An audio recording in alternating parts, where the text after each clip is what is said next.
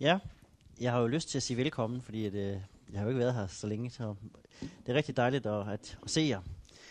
Og øh, jeg var ret stolt af i går, da jeg så når til det der udvalgsarbejde, så, så kunne jeg fortælle, at, øh, at vi samler sådan 80 præster her, eller meget I nu er, ikke? også til, øh, til teolkursus.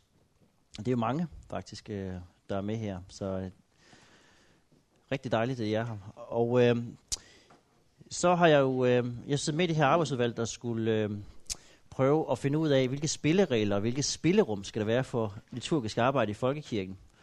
Og øh, for ligesom at, at øh, sætte en ramme her, så vil jeg godt, vi laver en aftale, og det er, at øh, jeg har fået lov til at flashe hvad hedder, udvalgsarbejde, fortælle jer simpelthen ret øh, grundigt omkring det øh, i dag, men det bliver jo først offentliggjort til mig. Så det er jo sådan lidt et, øh, hvad hedder det, det er, det er en overskudshandling, at jeg har fået lov til det. Så I ved selvfølgelig noget, I må også godt snakke om det, men jeg vil godt tænke mig, at I sådan alligevel, øh, hvad hedder det, venter med at, at, at blive offentlige og sådan noget, og tage debatten til debatten, den kommer. Okay? Altså, på den måde, så, øh, så behandler vi også det ordentligt, altså, øh, og respektfuldt, at, at udvalget skal, skal følge lov til at, og, øh, at lave det sidste arbejde og udgive og sådan noget. Og hvis jeg ellers kunne gøre, sige, sige at øh, så på den her måde, så har jeg fået lov til at hvad hedder det, være rimelig åben. Så det vil jeg være. Og jeg tænker, at jeg prøver at bruge cirka en lille halv time, tror jeg, på at gennemgå arbejdet, og så, øh, så forestillede jeg mig, at øh, der kunne komme noget debat, og I kunne stille spørgsmål, også øh, spørge ind til det her arbejde. Så det er det, jeg har tænkt mig at gøre. Og øh, jeg vil starte med at prøve at fortælle jer, hvad det vores øh, opgave har været. Og øh, i en pause i vores liturgiarbejde, der lavede vi sådan en lille model her, vi stod nummer tegnet, og den er selvfølgelig, modeller kan jo aldrig fagne nogen, en virkelighed, vel, men den er, jeg synes, den har for mig alligevel været med til at, og lige at præcisere, hvad det er for et arbejde, vi uh, har stået i, i det her. Uh, vi, uh, på den ene side, der kan I se, at vi har traditionen, ikke også? Uh, det har ret meget med liturgi at gøre, ikke? Vi har en, uh, en kirkelig tradition, uh, og nogen står meget fast på traditionen, og andre, de vil jo gerne have maksimal frihed ikke også, til at gøre hvad, hvad som helst. Så det er et spænd, der har været. Der har også været et spænd mellem tilsynet. Det er jo det, vi har skulle, i det udvalg, jeg har været en del af, har skulle arbejde med. Øh, hvad betyder tilsyn i folkekirken øh, på det liturgiske område øh, fremadrettet? Hvad betyder det i dag, og hvad betyder det fremadrettet? Øh, og overfor det, der har vi så arbejdet med det, vi kunne kalde for liturgisk dannelse. Det er der, hvor liturgien bliver til, ikke på grund af regler, men på grund af, at, øh, hvad hedder det, at der finder en dannelse sted, og så opstår der noget nyt måske. Øh, og det er også et andet spænd. Så her måder man med at prøve at tænke kirkelige traditioner og jer ind i den her model, bare for sjov skyld. Og det her, det bliver lidt lineært også, ikke? Men øh, det kan måske også godt sige lidt omkring, øh, hvad det er, vi skal tage hensyn til, når man arbejder med de her ting. Øh, for eksempel, så kunne man jo forestille sig, at statskirkefolkene, de var måske oppe i det her hjørne, ikke? Meget stor vægt på tradition, og, øh, og derfor også, øh, hvad hedder det, øh, stærke argumenter om, at der skal være et stærkt tilsyn, og, øh, og mest muligt skal sådan set autoriseres. Det er så meget øh, statskirkeargument, tror jeg. Og for det, så har, har har været nogle grund, øh, grundviske folk, som måske har været mindre traditionsborgerne i virkeligheden. Øh, øh, men øh, gerne have mere frihed, men også have et, et tilsyn, fordi det, det der med at genkendeligheden, øh, det, der skal, det folkelige, der også skal være noget genkendeligt. Og så er der, øh, kunne man måske placere de højkirkelige hernede, som gerne vil have rigtig meget tradition, og øh, helst, ikke, øh, helst have friheden til også at lave, øh, hvad hedder det, en gudstjeneste, som er højkirkelig, øh, og som nogle gange er på kant med autorisationen. Øh, derfor kan man sige, at højkirkelige kunne måske også nogle gange være helt over i friheds, øh, hvad hedder det, på frihedsfløjen, ikke? Og så er der de evangelikale, øh, som måske øh, ligger nede i det her hjørne her. Jeg ved ikke, om vi kan bruge til noget, men det her, sådan har jeg prøvet at lege lidt med det. Og selvfølgelig kan tingene jo flytte rundt, og man kan putte andre grupper ind i det. Men det er en sjov måde at lige at, at stille det op på, synes jeg. Så fik vi et kommissorium. Øhm, er det hensigtsmæssigt med en fælles alterbog, en salmebog og en gudstjenesteordning? Det er spørgsmål, vi skulle arbejde med. Øh, vi har arbejdet med, hvordan imødekommes nye tiltag øh, i folkekirken. Fordi der sker rigtig meget nyt på det liturgiske område. Og øh, jeg argumenterede i går for, at, altså, at vi er nødt til at have en brændende platform. Hvis man vil ændre på noget, så skal der også være en brændende platform. Og det er der også. Altså, der er simpelthen, der sker simpelthen så meget i folkekirken på det liturgiske område, at det er en brændende platform. Hvis ikke der er, på en eller anden måde kommer noget, øh, hvad hedder det, noget retning på det, så kan det, kan det jo simpelthen strid i, altså kan vi jo nærmest ikke genkende gudstjenesten fra sovn til sovn. Så der er simpelthen noget, øh, der er et eller andet her, der skal styr på. Øh, hvordan understøtter man liturgisk fornyelse og nyskabelse? Altså det er positivt anlæggende, kan I høre det? Samtidig med, at man sikrer et gudstjenestligt præg og en evangelisk luthersk nerve. Altså der er noget på spil, der er også noget læremæssigt på spil her øh, i, for, i folkekirken. Øh, og det er en gudstjeneste. Og hvad betyder genkendelighed i en dansk kontekst? Jeg kommer tilbage til de her spørgsmål. Øh, genkendelighed er nemlig et besværligt begreb. Hvordan skal vi bruge autorisation i dag? Øh, er det ligesom man gjorde for 20 år siden, eller er der, er det, skal det bruges anderledes? Er tiden ind, ind til at oprette et stående udvalg og et liturgisk værksted? Det er sådan et, et spørgsmål, vi fik, som var sådan meget øh, præcist jo i virkeligheden. Øh, og det er nok det, vi har svaret mindst på, men det kommer jeg tilbage til. Så. Jeg vil så vil sige, at øh, mit eget opgave, det, altså det, det er blandt andet ved at, at skrive de spørgsmål. Jeg har skulle formulere de spørgsmål, som øh, rapporten rejser, og det er simpelthen dem, jeg har delt ud til jer. Det har været, det har været mit, øh, sådan, det mest tydelige produkt. og, øh, og det er dem, de spørgsmål, jeg så vil gennemgå, fordi jeg tænker, så kan I jo selv... Øh, spørgsmål har jo den fordel, man kan jo mene om, hvad man, hvad, hvad man vil. Det er jer, der kan svare på dem jo. Øh, det første spørgsmål, og det første emne handler så om autorisation og tilsyn. Og der kan man spørge, er det vigtigt, at kollekterne fortsætter autoriseret, eller tiden inden til at give plads til forskellige praksis? Det er et meget lavpraktisk spørgsmål, men øh, ret hurtigt i arbejdet fik vi faktisk øh, præsenteret en analyse i Ribe Stift, som viser, at øh, jeg tror, det var 80 procent af alle præster, de, øh, de havde deres egne kollekter. Og øh, øh, at de selv har formuleret dem. Eller fået hjælp til at formulere dem, eller har... Ja, eller bruger nogle andre. Ja, altså uautoriserede kollekter. Det er sådan... Nogen gør også det, men, men der er også mange, der har skrevet deres egen simpelthen. Og det, det samme, den samme gør sig gældende i, øh, altså i København for eksempel, der er det også, der er det helt sikkert, øh, der er det lavet en undersøgelse, men der siger øh, biskopen over, det er, det, det er uden tvivl det samme. Øh, så det er sådan et, et konkret spørgsmål, altså, som var udgangspunkt i, for en drøftelse. Er det et problem, at mange præster og menigheder forholder sig friere til det autoriserede højmesse, øh, end tidligere? Er det overhovedet et problem øh, for folkekirken? Eller, altså, eller er, der, er der en brændende platform, eller er der ikke, kan man sige. Og så øh, er den nuværende autorisation for stram og ufleksibel, eller udgør den passende værn mod vilkårlighed? Altså, man kunne godt se, spørge sig selv, om autorisationen ikke er med til også at sikre, at øh, en menighed for eksempel mod øh, en præst, øh, sådan meget vilkår, mange vilkårlige påfund. Noget af det, der er blevet tydeligt for mig, Øh, og vi arbejder så meget med liturgi, det er jo, at, at det er et håndværk. Det er det som ledelse. Det er noget, jeg har mere forstand på i virkeligheden. Ledelse det er et håndværk, hvor at man, øh, altså man får noget teori, ikke? Øh, det gør jeg også på pastoralseminaret, derfor lærer jeg noget om øh, liturgi. Men man bliver først en, en, en god, altså en rigtig dygtig håndværker, når man arbejder med det i mange år. Og, øh, og der var mange meldinger i, til udvalget om øh, situationer, hvor unge præster kommer ud, og så øh, tænker, nu skal vi simpelthen øh, hvad hedder jeg, reformere gudstjenesten, uden at egentlig have håndværket på plads. Ikke? Ja, og det er, jo, det er selvfølgelig en, en, øh, et problem, hvis det er rigtigt. Og der kan associationen jo være med til at, at være et værn. Også være menighedens værn mod en eller anden præst påhit. Og modsat kunne det også være en, hvad hedder det, præsten, du har et værn mod et, et præst, der kunne komme fra menigheden. og så er der spørgsmål om genkendelighed, vi har drøftet. Og øh, der kan man spørge, skal højmessen genkendes mest som en kristen gudstjeneste, en evangelisk luthersk gudstjeneste eller en dansk gudstjeneste? Og i går, der blev jeg grillet lidt på det sidste. Der var en, der øh, virkelig gik til mig, kan man tale om en dansk gudstjeneste? Men det mener jeg faktisk, man kan. Altså det tænker jeg faktisk er, er øh, evangeliet, hvad hedder det, øh, øh kommer til os i vores sammenhæng, i vores kultur, og vi kan jo bare starte med Grundtvig. Vi, øh, vi har enormt, der, er meget, der, der er mange markører af danskhed i vores gudstjeneste. Øhm, men hvad er så vigtigst øh, af de her ting? Og hvordan skal man, skal man, det må man jo svare på. Jeg synes ikke, det vigtigste er, at den er dansk, det vil jeg godt afsløre, men jeg synes, det er vigtigst, at, at den er lærermæssig i orden. Skal højmessen være genkendelig for de faglige traditioner, dem, der ofte deltager i gudstjeneste øh, eller dåbsfølget.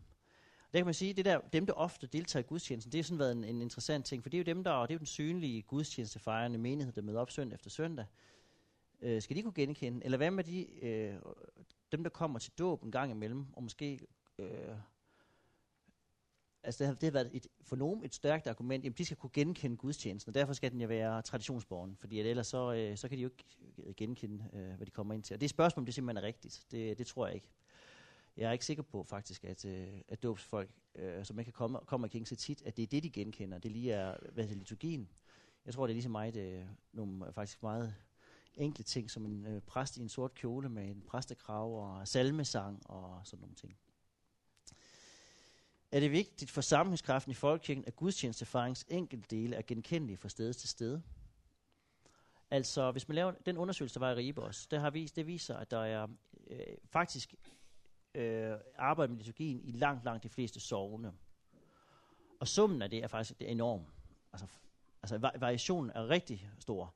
Men går man ned og kigger på den enkelte sovn, det enkelte sovn, så er det faktisk ikke, øh, fordi de har lavet så mange markante ændringer et sted. Altså det er, men det er forskellige ting, de har ændret på i de forskellige sovne. Uh, øhm, så skal, det, skal gudstjenesten nødvendigvis være genkendelig i løsningen, og skal det være den samme, som Jørgen han har nede i øh, uh, Åben Også? Er det, er det vigtigt? Eller øh, må der godt være plads til forskellige øh, gudstjenester i folkekirken? og så, øh, så er det så øh, altså det her med, med autorisation som beskyttelse af det almindelige, og særlige præstembede har vi drøftet.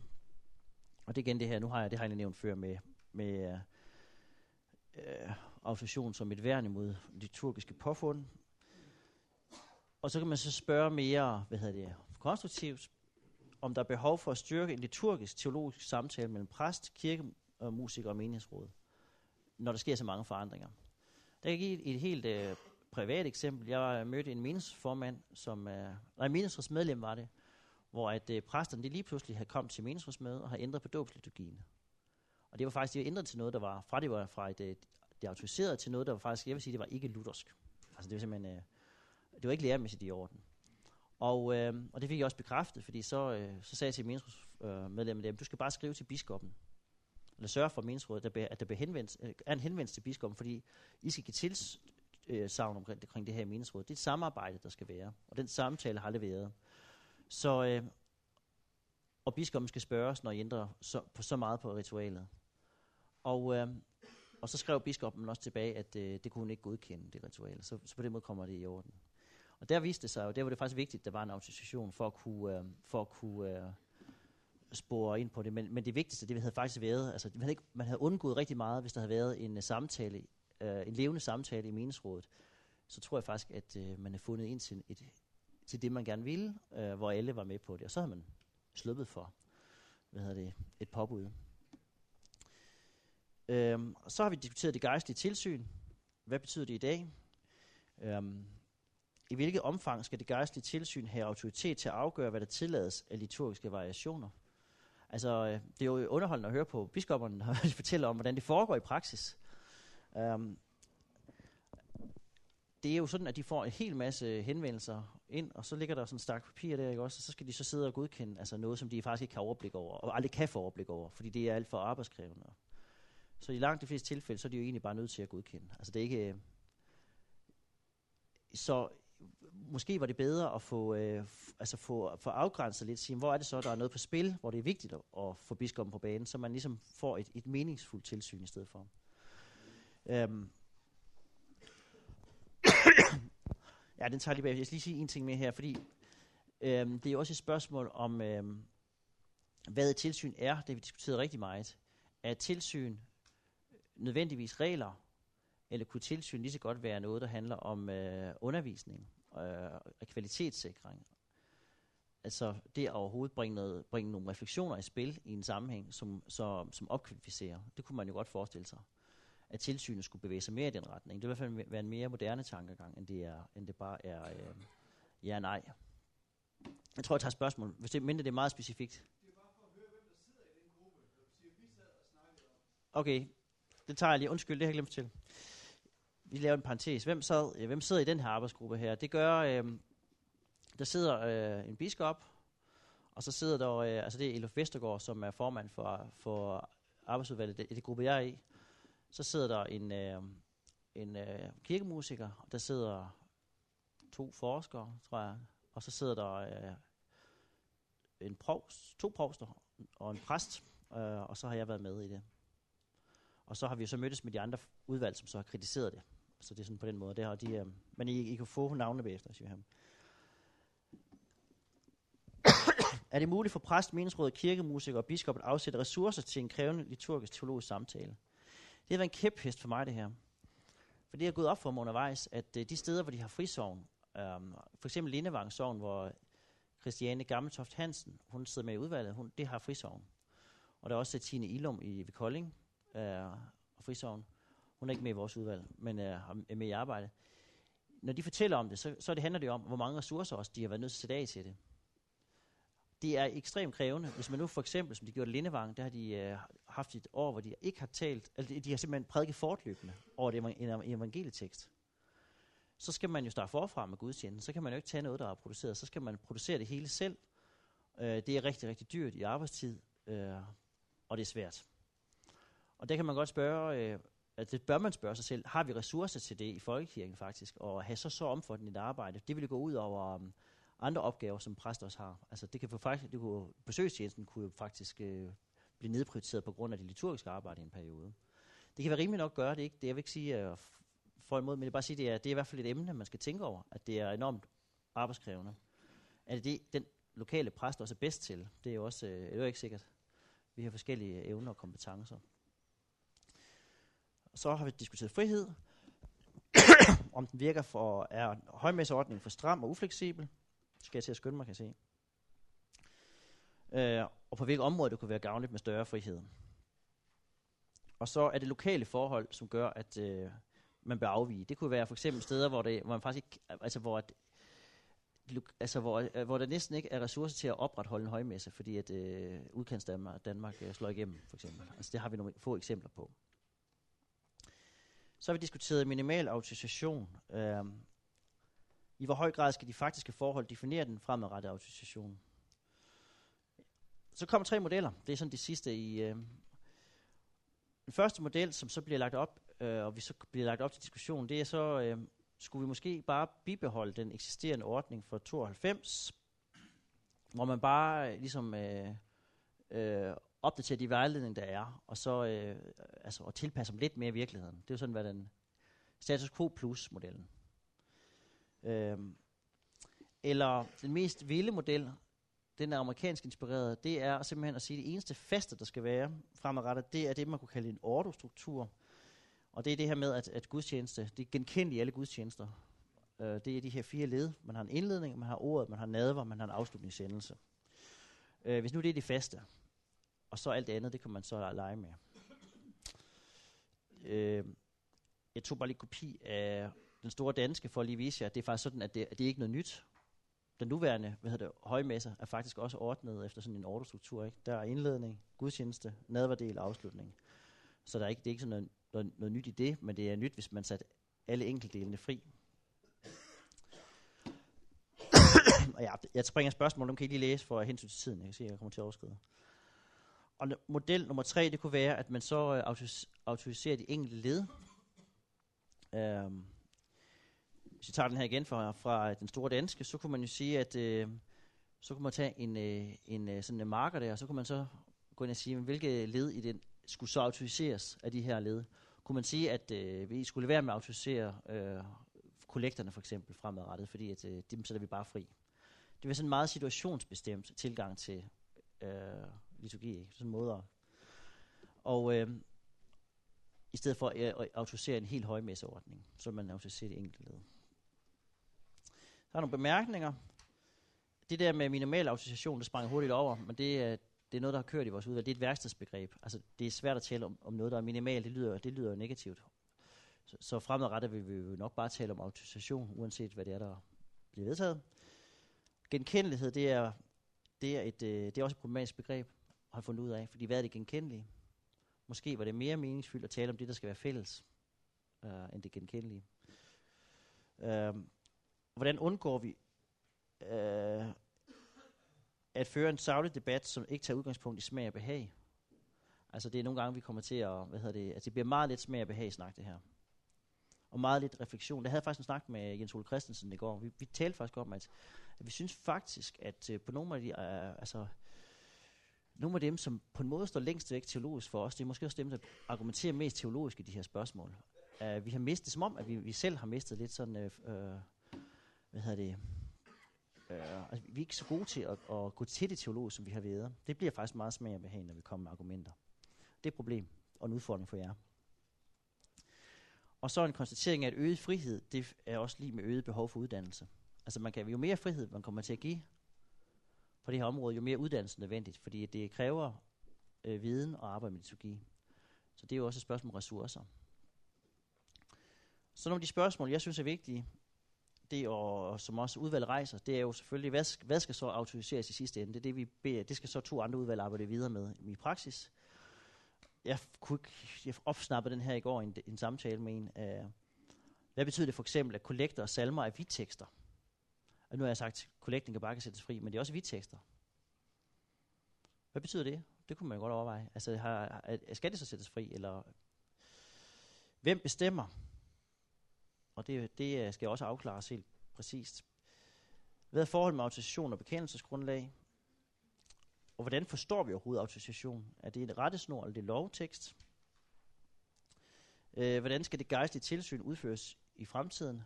Det tror jeg, at øh, retningen det bliver, at der bliver mere vejledning og mindre øh, hvad hedder det, øh, autoritet faktisk. Altså jeg tror, mere, man går mere ind i samtalen. Det er, det er helt klart det, jeg hører. Og så er der en interessant, det her, hvor I skal være særlig opmærksom, når debatten den kommer. Øh, fordi der tales meget om, at der skal være flere vejledninger. Men øh, øh jeg talte med sådan en øh, hvad hedder det, øh, jurist over for kirkeministeriet i går. Og øh, vejledninger, de har jo også øh, en juridisk øh, hvad hedder det, implikation. En vejledning kan jo forstås på forskellige måder. I, i jura, der er det i cirkulære, det er sådan noget, man skal overholde. Uh, så for eksempel i Sverige, der har de lavet en, øh, en øh, ny gudstjenesteordning, som jeg har set. Den ser meget åben ud, fordi der er mange valgmuligheder. Problemet er, at man skal, tage valg, man skal, vælge, man skal vælge det, som er lagt frem. Så i virkeligheden er det, er det faktisk ikke særlig, det vil være en klar opstramning af den danske model, hvor vi har også har en ret stor frihed faktisk. Også i 92 ordning er der rigtig meget frihed. Så, øh, så jeg tænker, at, øh, at det, skal, det skal I virkelig overveje ikke? At, øh, at holde øje med. Hvis der pludselig begynder at komme alle mulige vejledninger, så kan det jo faktisk betyde, altså på områder, hvor der ikke burde være en vejledning, øh, og hvis vejledningen opfattes som et et juridisk bindende dokument, så kan det være en øh, de facto opstramning, der kommer til at ske, selvom man ikke vil det. Jeg tror ikke, det er noget, der vil ske sådan intenderet, for det tror jeg faktisk ikke, men jeg tror, at det kunne ske, fordi at, øh, på grund af, at vi er uopmærksomme. Så det her, tænker jeg, det her, her er der noget på spil. Øhm, så ord og sprog omkring de her ting har jo rigtig stor betydning for, øh, om man bliver bundet, eller om man får frihed. Og så kan vi diskutere, hvilket gudstjenestesyn skal være bestemmende. Det spørgsmål fik jeg stillet i går meget præcist. Fordi at øh, det var et argument for nogen øh, i de andre udvalg, at der skulle, vi skulle, man skulle afklare sig. Vi skulle afklare os i vores udvalg, hvilket gudstjenestesyn der så skal være det bestemmende. Og så spurgte Tine Lindhardt, der var ordstyrer på den debat der, mig omkring det. Og, og jeg siger bare, jeg, jeg synes det er rigtigt, det, er, det synes jeg er faktisk problematisk. Fordi øh, nu kan I jo se den første model, jeg viste jer Øh, der kunne man også lægge nogle gudstjenestesyn ind i den model, ikke? Og øh, jer, der sidder her, I har forskellige syn på det. Og hvis der skal være en, jeg tror, hvis, hvis vi skal holde sammen i folkekirken og, og på folkekirken, så skal det være en ordning, der er så rummelig, at den også, der også kan være plads til forskellige gudstjenestesyn. Øhm, oplægget var jo i begyndelsen, at der var i præsteforeningsblad, der var der en, der skrev om gudstjenestesyn. Han skrev, der er et, sådan lidt firkantet, der er et evangelisk luthersk gudstjenestesyn, så er der et liberalt gudstjenestesyn, og så er der et æstetisk gudstjenestesyn. Og det æstetiske, det er det nye jo. Ikke? Øhm, det er lidt mærkeligt, ikke? fordi at jeg synes faktisk, at liturgi er meget æstetisk, og har altid været det. Men, men jeg tænker bare, at det kan måske godt tænke sammen. Altså, der er faktisk der er jo en pointe i det. Altså, det er jo ikke fordi, at det er at, have et, at, at tænke æstetik ind i gudstjeneste, i et evangelisk Luthers gudstjenestesyn, synes jeg ikke, det kan der ikke være noget galt i. Altså, det, er jo, det handler jo om vores gudstjeneste erfaring. Hvordan oplever vi rummet? Hvordan oplever det at være sammen? Det er jo en vigtig ting. Men, men øh, når det bliver sat op som i kontrast eller i modsætningsforhold til det evangelisk lutherske for eksempel, så bliver det jo, begynder det at blive, blive problematisk, for så hælder man jo, smider man jo hurtigt barnet ud med badevandet. Så, så, så jeg, jeg synes bare, at det er, det er faktisk en forkert tilgang til øh, at, at begynde at vil definere et bestemt gudstjenestesyn, der skal bestemme, hvad hedder det, øh, øh, er øh, meget præcist. Øh, der tænker så, så skal vi også tænke os om, når vi argumenterer, øh, hvordan er det, vi, øh, vi går til den debat der, fordi at, øh, så kan vi også befange på det andet ben, ikke? Hvis, vi, hvis vi selv kræver øh, noget bestemt, så får vi jo en, noget i sidste ende, så kommer der noget bestemt. Okay, I følge mig? Så ender det bare med, at der er nogen, der beslutter noget, og så, øh, så bliver alle bundet til det. Og derfor tænker jeg, at man skal være en lille smule, øh, hvad hedder det, taktisk klog her, og give hinanden noget plads. Ja. Så processen videre frem, det er, at øh, 1. maj, der bliver der udsendt en rapport øh, som debatoplæg. Det bliver simpelthen et debatoplæg, der bliver offentliggjort. Og de her spørgsmål, I har fået rundt, de er dem, der så skal på en eller anden måde bearbejdes til nogle spørgsmål, som meningsrådene kan bruge til noget. Altså det bliver sikkert nogle andre spørgsmål, vi skal finde ud af at lave, men, øh, men det er det, der bliver sendt ud. Og det bliver sendt ud til præster og meningsråd. Og der øh, synes jeg jo, at, at øh, nu har I jo, så får I jo sådan en mulighed til mig, jeg der har lyst til at blande jer i, i de her, den her debat, så har I tid til at tænke om, øh, hvor I faktisk kan komme på banen med nogle teologiske refleksioner og det vil jeg udfordre jer til at gøre. Altså jeg vil simpelthen udfordre jer til at prøve, i stedet for bare at komme med markeringer om sådan noget, altså sådan lidt halvpolitiske markeringer omkring, øh, hvad hedder det, øh, øh, hvad I lige mener, og jeres små kæphester, så prøv at komme ind med nogle, på banen med nogle, nogle øh, teologiske refleksioner, fordi det er en teologisk debat, der bliver efterspurgt, og jeg tror faktisk, at der kan blive lyttet til det. Altså hvis, øh, uh, og det er, det er et positivt debat. Det er en debat, hvor vi faktisk kan bidrage med noget konstruktivt og være en ressource, også der er her. Så derfor håber jeg, at I vil, øh, vil udfordre til at gøre det. Også øh, er det en mulighed for at invitere meningsråd, organister, kirkekulturmedarbejdere og præstekollegaer ind til en samtale om øh, liturgi. Jeg får en helt oplagt øh, øh, samtalemulighed, hvor I kan drøfte det her med hinanden øh, lokalt. Øh, og hvor det bliver helt legalt at gøre at tage den her samtale. Og den bliver fuldt op af to rapporter øh, så i 2019. Den ene rapport kommer til at handle om dåbs- og nadverliturgi. Der er det, hvis I skal høre noget om et år, så er det Kurt, der sidder med i det udvalg øh, herfra.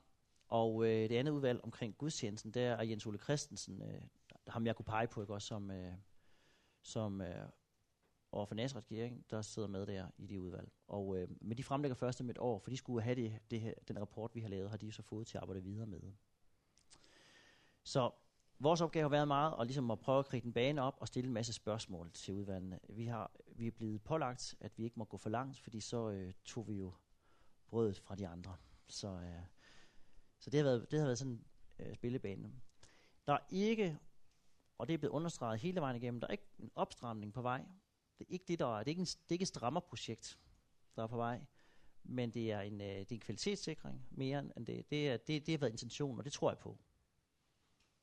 At sådan har hele tonen været. Det har været, det har været ordentligt. Det har været, der er meget fint samarbejdsklima omkring de her ting, så det er, det er, på den måde, så synes jeg, det er de store, svære spørgsmål, de kommer i næste runde. Jeg tror, Kurt, han får, han får sikkert, han får det festligt over de der udvalgskarpen med dåb for eksempel, det tror jeg, der, der, kom, der er meget teologi på spil. Det, har, det er jo mindre, man kan sige, der har været mindre teologi øh, på spil i, øh, i det udvalg, jeg sidder i, end, end der kommer de næste.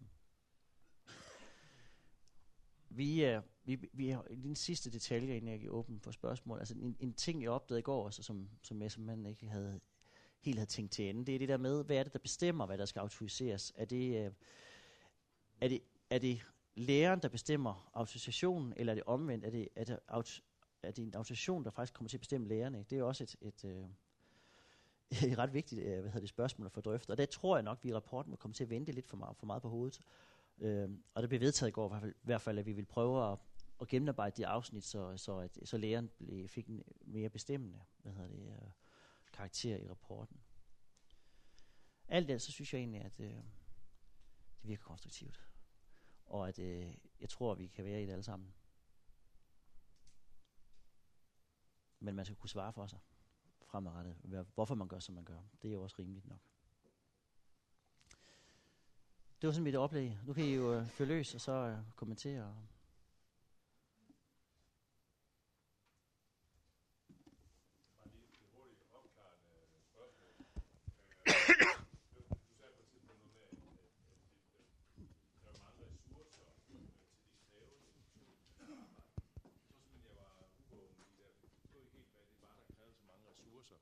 Hvad, hvad, hvad det var, der skulle kræve så mange ressourcer. Det kommer an på, hvordan man går til litur- liturgisk arbejde. Men nogle af de frisovne, der har været, altså ja. spørgsmålet er, I ikke hørt det alle sammen, det er, hvad, hvad er det, der er så krævende ved at skulle lave liturgisk arbejde? Øhm, det kommer an på, hvordan man gør det. Men i nogle, nogle af de steder, Lindevang Kirke, hvor de fortæller om det, så har de simpelthen begyndt helt forfra. De har faktisk lavet deres egen, øh, hvad hedder det, øh, øh, altså de, de, de, har, de har lavet, øh, bygget deres egen gudstjeneste fra bunden af.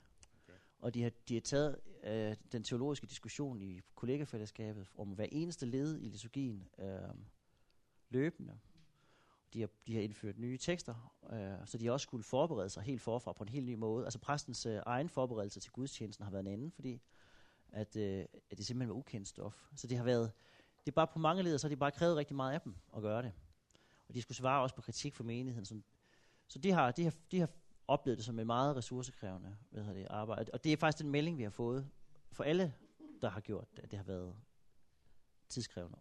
Og det forstår jeg jo godt, øh, når man virkelig vil opfinde den dybe tallerken forfra. Ja. Ja. Og det undrer mig faktisk, at de vil det. Men det, det, det synes jeg er, er overflødigt. Og det er at stille sig selv i en alt for vanskelig situation. Jeg forstår det faktisk ikke, men det er noget det, det er jo, Og det berører sig, det er bare lige, jeg har lyst til at sige også, at på den ene side, så, så tænker jeg, også apropos øh, foredraget i, i formiddag om Luthers øh, og alt det her, den, den frihed, der var også, det kunne tage, at, at det var der jo også længe før i, i den katolske, hele den katolske tradition osv. Det, det, det er jo fuldstændig rigtigt.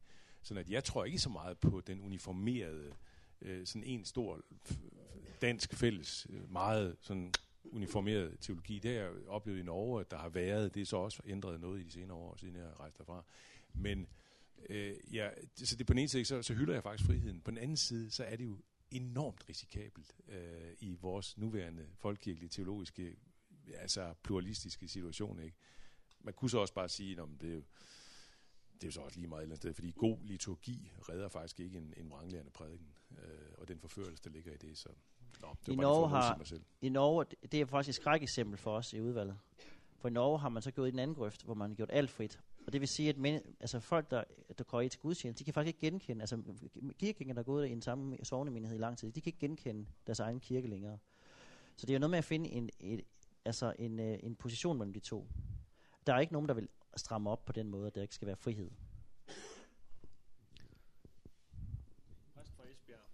Ja, tak Thomas. Øhm, øh, jeg, jeg blev præst noget før 1992, øh, og, øh, og, og dengang jeg blev øh, færdig, det tror der er også andre her, der vil sige, at det er jo ikke noget, vi reflekterer over. Vi tog bare den uh, ritualbog, alterbog, der var færdig. Men i 92, der synes jeg, at vi oplevede det som et fremskridt, at vi fik en ny gudstjenesteordning, som havde en meget, meget stor frihed indbygget. Man kunne holde gudstjenesten på flere måder, og der var i høj grad også en liturgisk viden bag øhm, øh, den nye gudstjenesteordning. Der, jeg vil nævne især to biskopper, Henrik Christiansen og Olav Lindegård, som havde en dyb indsigt i kirkens liturgi. Og undskyld, øh, jeg med respekt for dem, du er sammen med og drikker kaffe sammen med, der er ikke nogen af dem, der går dem til knæhøjde, når det gælder liturgiske spørgsmål i dag. Og det er en meget, meget alvorlig mangel, at det er dem, der skal sidde og bestemme sig. Jeg, jeg frygter for, hvad der kan komme ud af det. Altså både stramninger og også øh, fuldstændig løslupende tanker. Altså jeg mener, at den 92 øh, gudstjenesteordning, vi har, den rummer stort set alt, hvad hjertet kan begære. Øh, foran, øh, før selve autorisationen, øh, der er noget, der hedder højmesse vejledning. Du er også inde på det med vejledning. Ja, der er selvfølgelig nogle præster, der misforstår det. De tror, det er nogle gode råd, som man kan sådan uh, springe op og falde ned på. Det er der ikke. Det er gældende regler, mm. men de er så elastiske og vide. Altså, enhver uh, ordentlig evangelisk luthersk præst kunne bør uh, føle sig hjemme i den uh, gudstjenesteordning, vi har nu. Den rummer mange, mange muligheder. Hvis synes jeg. Hvis jeg skal prøve at komme med en for, bare lige for, for at gå lidt imod frygten, ikke? Fordi jeg, jeg er ikke så bange. For jeg tror, der sker noget helt simpelt. Altså, når man har de tre der modeller, jeg har fremlagt, så tror jeg, at uh, psykologien, det er, at uh, hvis man kører den der ordomodel, hvor det hele bliver meget frit, det, er, det bliver udansk faktisk. Det bliver sådan en amerikanisering og sådan noget. Det, det vil mange menighedsråd simpelthen stå af overfor. Og de vil være bange for, hvad præster kunne finde på. Så de vil føle, at de bliver, altså de vil, frygt for, for at blive overstyret af øh, en, en, en, en autoritet, og de bliver kørt over, så vil de virkelig falde ned til øh, en norm, ikke? og sige, så holder vi fast i det, vi har, og så kan det ikke rigtig blive gennemført. Så jeg tror på, at det, der kommer til at ske, det er det, der politisk kan blive muligt, det er, at øh, der kommer en, øh, måske bliver det altså en kombination af model nummer et, at man har den nuværende ordning, og så er der alligevel nogle ting, der bliver sat fri, altså en større, nogle større frihed, frihedsgrad på nogle områder. Men jeg tror ikke, det bliver helt vildt. Der, hvor jeg kan se spillet, altså, altså hvor jeg kan blive frygtsom, det, det er ikke omkring de her ting med friheden. Det er faktisk lidt mere det Kurt, han har med at gøre. Altså, der, jeg tænker lidt mere øh, nogle ritualer og sådan noget, hvad der, kunne, hvad der kunne ske der. Fordi det er der, jeg synes, der kunne være noget af. Men så har vi også anbefalet rapporten, at alle øh, gældende ritualer også skal være gældende, som det har været dansk tradition, at man aldrig, alle hidtil vedtagne ritualer har været gældende. Der er også dårlige ritualer i fortiden. Ikke? Øh, så man kan sige, det er, altså, så har I i hvert fald frihed til at bruge de ritualer, som, som gælder i dag.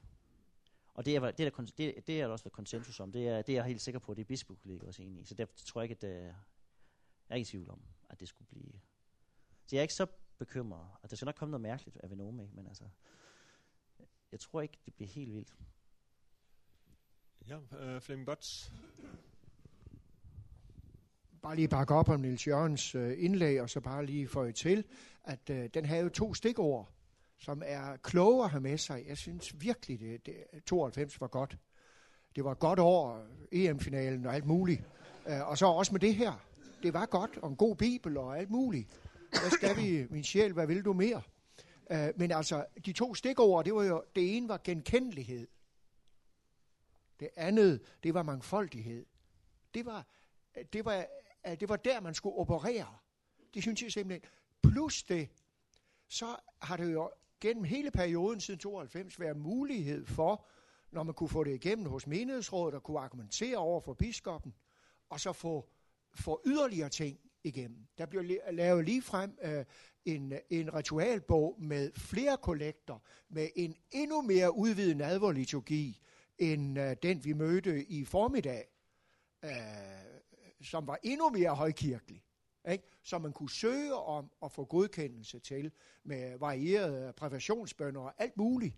Altså, der er et rigt forråd, som man med gode argumenter sagtens kan få igennem hos både menighedsråd, øh, normale menighedsråd og, øh, og øh, biskoppen, synes jeg. Og så et synspunkt, som jeg også synes er vigtigt, og, øh, og som i måske kan hente lidt hjælp i. Det er faktisk Leif Andersen, der har formuleret det på et tidspunkt. Og Kurt, du kan måske også øh, hente lidt hjælp i det. Det ved jeg ikke. Det kan du jo svare på. Øh, det er det synspunkt, Leif gjorde gældende for nogle år siden, hvor han sagde noget i stil med, at øh, liturgien værner mod vranglærer. Et eller andet sted. Det var sådan frit gengivet Leifs udtalelse et eller andet sted. Altså, der er noget på snakken. Altså, selvfølgelig øh, kan der prædikes noget vrøvl og noget usandt og, og alt muligt, det ved vi godt. Men det, at folkekirkens liturgi er i orden, der er simpelthen ikke noget at indvende imod den liturgibog, vi har i øjeblikket, af teologisk karakter. Der kan være mangelfulde ting, ting, der kan kunne bedre udtrykkes. Det er i orden. Der er ikke noget, der er forkert. Det synes jeg, det synes jeg alligevel i den her brogede folkekirke er værd at kæmpe for.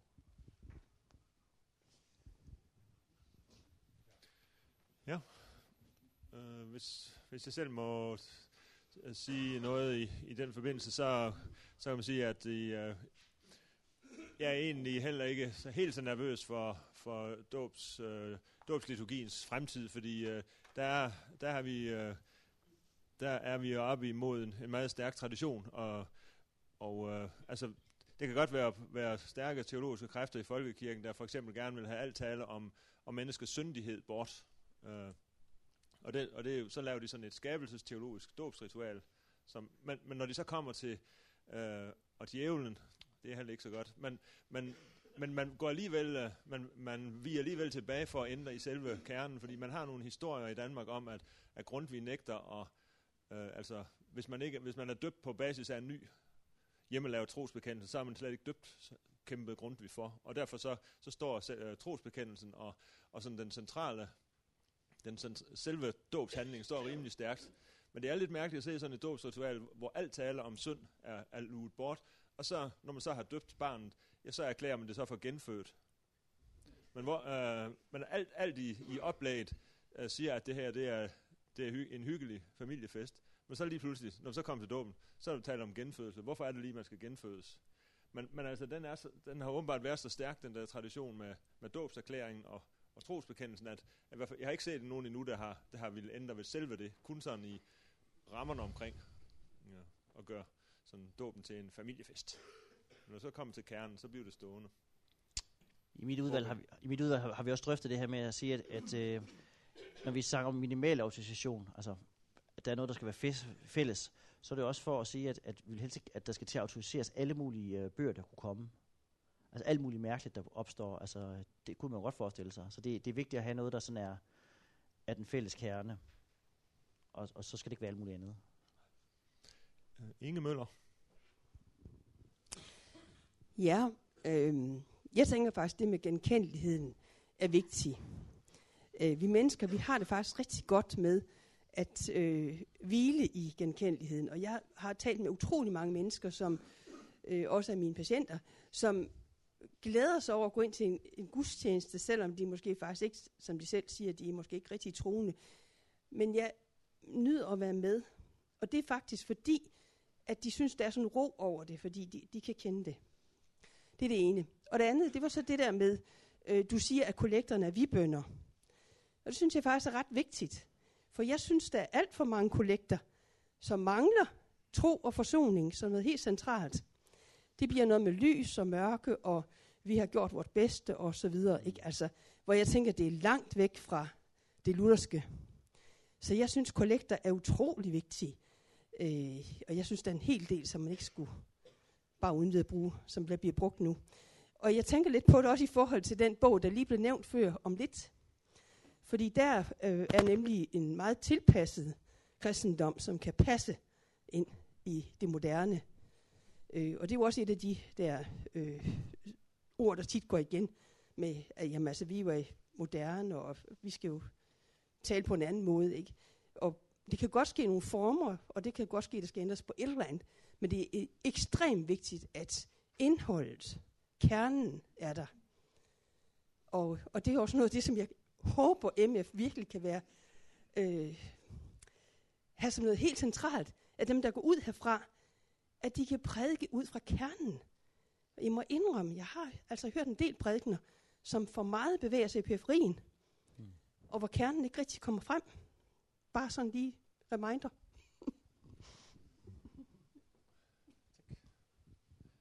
ja, øh, Niels Jørgen Fogh.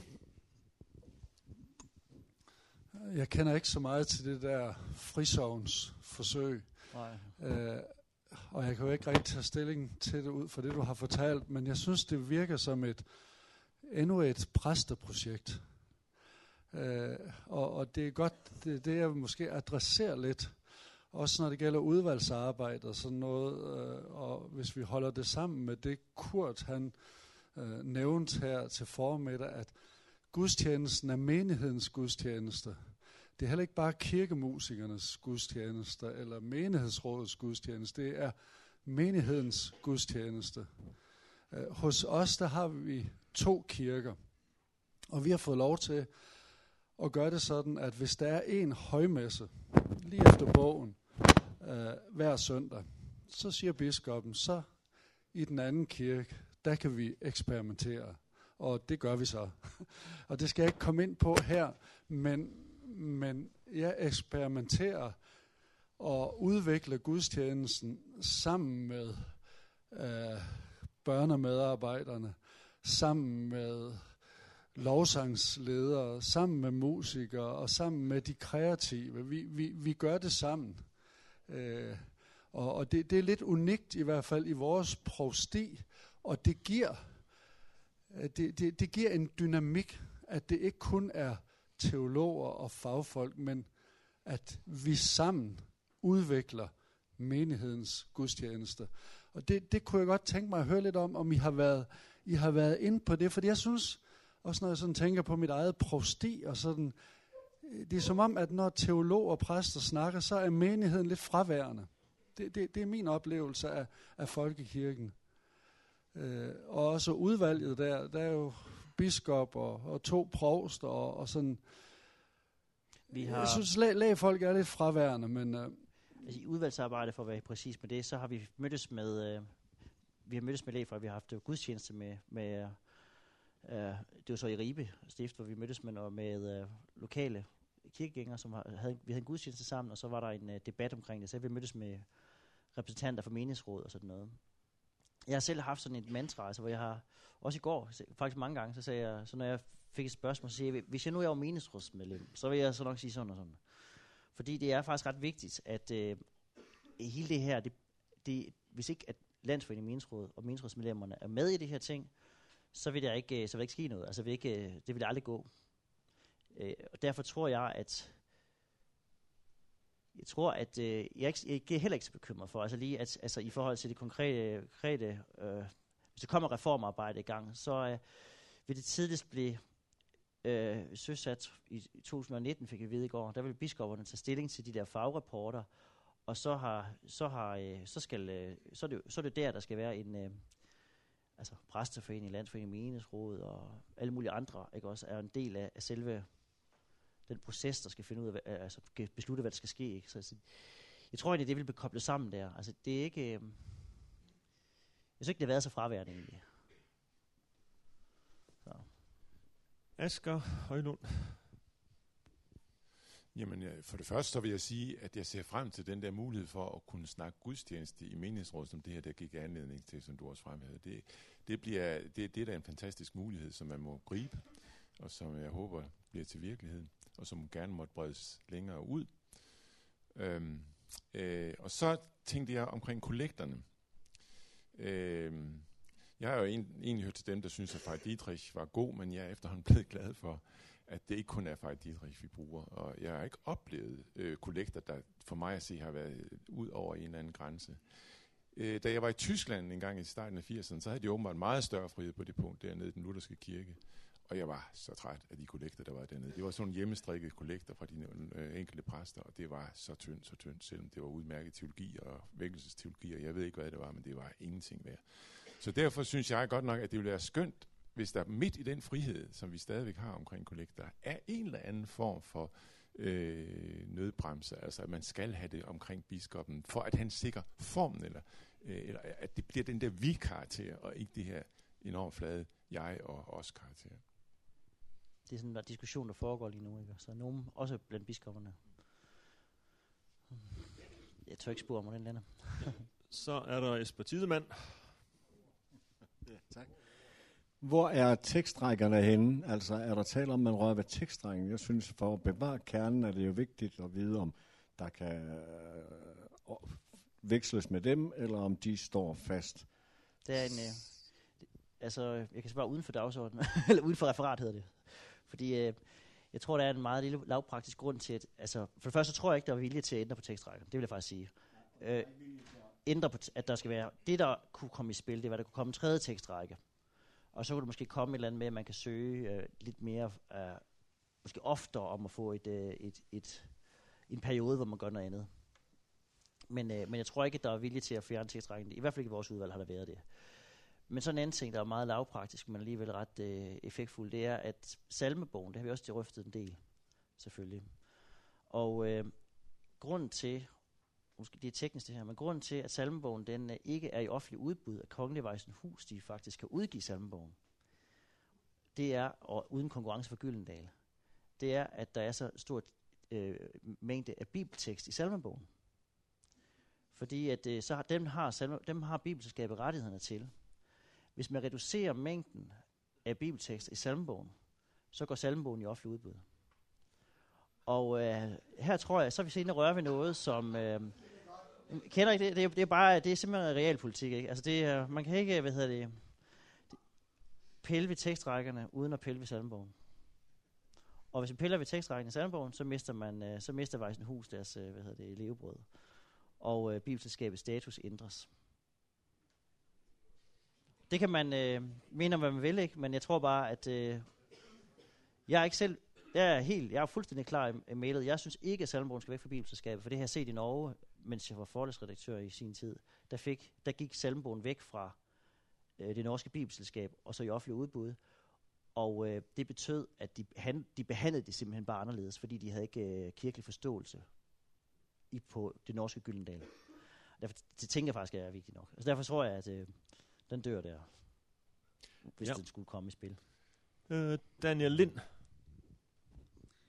Det er lige tilbage til øh, det, som, øh, som Asger snakkede om. Øhm, altså med kollekter og sådan nogle ting. Jeg tænker også andre liturgiske led, om, øh, om man har overvejet det her med, du var lidt inde på det, at der er, der er nogle liturgiske led, som, som er mere følsomme end andre, at man kunne forestille sig, at man havde nogle ritualer, som man skulle øh, følge sådan meget stramt, og, øh, og man så havde for eksempel kollekter og andre led, hvor man måske øh, altså netop gik efter at sikre indholdet. Fordi, øh, fordi mig bekendt er der jo ikke, øh, altså vi, vi har nogle ordninger og vejledninger og sådan noget. Jeg som vandmændspræst er jeg jo privilegeret, så jeg kan, jeg kan forholde mig ret frit til det. Men, men, øh, men mig bekendt er der jo ikke sådan noget vejledning i forhold til, hvad skal de enkelte led? Altså hvordan ja. hænger de sammen? Og hvad skal indholdet være? Og, og det tænker jeg kunne være, det kunne være interessant, fordi det kunne kombinere en, en ensrettethed øh, med, med stor frihed, og samtidig øh, have sådan et, et, et oplæringsaspekt over sig. At, at der bliver en større forståelse for, jamen, hvad er det, en kollektbøn skal? Men det, øh, det er det, der er model 3 sådan set, i en eller anden form, ikke? Altså, så man kan udforske. I vores, jo, men jeg tænker, jeg tænker bare, man behøver ikke man, man, man behøver ikke at gå all in på model 3. Man kunne godt, man kunne godt lave nogle, nogle vejledninger og kombinere til den ordning, vi har. Men det er det, jeg siger. Jeg tror simpelthen på, at der kommer en... Øh, men det er jo rent spot om, ikke? Men jeg tror, at hvis det skal kunne blive virkelighed, det her, altså der skulle ske nogle forandringer, så er det en kombination af model 1 og model 3, der vil man arbejde med tingene, for at få det til at fungere i en dansk kontekst. Ellers så går det død, ligesom det der reformarbejde øh, med at skulle lave en ny hvad hedder, styre, øh, styrelse for folkekirken, og så gik det jo helt død, fordi min vil ikke være med. Jeg, jeg tænker simpelthen, det er det, der sker. Så det der, og jeg tror, i går, af, i går aftes, det var det interessant, vi havde et møde bagefter, da alle var gået, og så siger øh, ham, der er jurist inde ved øh, stifter over ved Tine Lindhardt, så siger han, Øhm, det var egentlig pudsigt at opleve, hvor konservativt det var i dag. I dag vil alle have fuld autorisation. Da vi blev kritiseret. Så var det, det var det, der var i spil. Ikke? Det var, at øh, det var, det var meget, der, der blev mindre og mindre frihed i, øh, i, i, øh, i debatten. Selv med dem, der arbejder med at se. Det er derfor, jeg ikke er så helt vildt nervøs for, at, uh, at det lander i noget helt skævt, i forhold til det, vi kender, faktisk. Men, uh, Korsmed. Jamen, jeg vil bare gerne lige beroliges med, at, at det du laver, det udvalg laver, det er jo ikke bestillingsarbejde på en ny ritualbog eller alterbog. Nej. Det er spørg- spørgsmål om autorisation og eventuelt øh, hvad skal man sige, revision, og det kan selvfølgelig ligge en masse uhyggelige i revision, men altså, det kan også ligge noget positivt i revision af folkekirkens liturgi. Det er jo ikke en ny ritualbog, en ny alterbog, der er bestilt, heldigvis. Nej, og vi er endda for at vide, at vi ikke må røre ved nogle ritualer. Jeg ved ikke engang, om I må det. Nej, det, det, det er faktisk tvivl om. Uh, vi skal ikke have det der ritual ind i bogen. Så. Så. Yes. Holger Haldrup. Thomas, du sagde, at, øh, at det var godt, hvis vi kunne arbejde, øh, argumentere teologisk øh, for de her ting.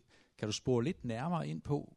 Altså jeg kan jo se på sådan et område, som Kurt har med at gøre, at et, øh, et dåbsritual, der, der kan der komme meget teologisk øh, øh, argumentation ind.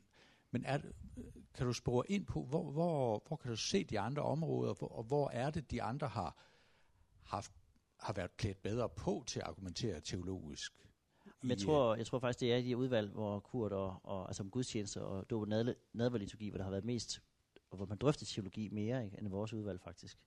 Um, nej, men, øh, men altså, vi har jo også drøftet teologi selvfølgelig, og, og noget af det, som... Øh, jeg skal passe på mine eksempler jo, men jeg, fordi jeg... Ej, jeg tror ikke, jeg vil give et konkret eksempel, fordi så det, vil jeg, det duer ikke. Så tager vi Christian Kallesen. Jeg har kun et, så det har jeg ikke lyst til at sige. jeg er bare øh, nysgerrig på, øh, hvor meget sådan et missionalt hensyn øh, det fylder i den her debat. Altså jeg tænker, hvem er der nogen, som man drømmer om, sidder til højmessen eller vil til højmessen til sig? Øh, er der nogle ting, man skal skrue på, for at, at se det med at blive muligt? Eller, altså, hvor, hvor meget fylder det i debatten? Giver det mening? Ja, det gør det. Altså, fordi øh, det er også noget, jeg har tænkt på selv meget. Ikke? Fordi øh, man, man kan hurtigt blive meget uh, i den der helt... Altså, altså, det har jeg, det har jeg faktisk lyst til. Jeg er faktisk blevet mere og mere konservativ i det her arbejde. Det vil jeg godt indrømme. Jeg er blevet mere og mere... Altså, fundet ud af, den liturgi, jeg faktisk bedst kan lide, det er den der helt enkle højmæssliturgi. Og ikke alle de der mange lag, som vi har nede i Kristkirken, Per. Altså, det, jeg synes, det er for meget. Jeg bliver mere og mere sådan konservativ, ikke? Men det er bare mig. Og, øh, og det, der er, det, der så er udfordrende, når man sidder i sådan et udvalg, eller sidder op med de her ting, og I, I som præster sidder, det må jo være at tænke i, øh, i mennesker, ikke? altså tænker i, at tænke i mennesker og miljøer. Altså det er, der er simpelthen forskel på, øh, på nogle storbymiljøer, og forskel på, øh, øh, vi kan tage i Kolding, hvis jeg tager rundt til forskellige gudstjenester, de er meget forskellige, og det er meget forskellige mennesker, der, der støtter op om de gudstjenester. Og det er jo en virkelighed. Altså det er jo, derfor synes jeg, at øh, jeg synes, derfor synes jeg godt, det der med at, at tale om et, et æstetisk gudstjenestesyn, det kunne jeg sådan set godt for, for et perspektiv, det vil jeg meget gerne dis, di, øh, tage det med ind og diskutere det. Uh, jeg nævnte faktisk også i går uh, på et spørgsmål, hvor jeg siger, at jeg er formand for Kristelig Handicapforening.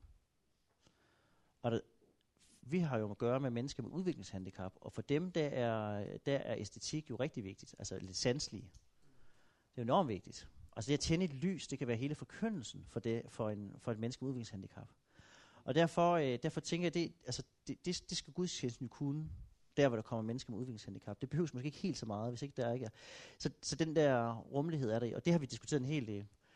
Det eneste meget præcise grundlag, der har været sådan teologisk også, som vi har drøftet, det var, det er jo Luther, ikke, vi har, sådan, har fat i, som er jo ret liberal, øh, må man sige. Han har jo rimelig, nu var jeg ikke med til kurs i formiddag, men altså, som jeg har forstået Luther, så har han i hvert fald, øh, altså, han siger på den ene side, at, øh, at gudstjenesten er fri, ikke?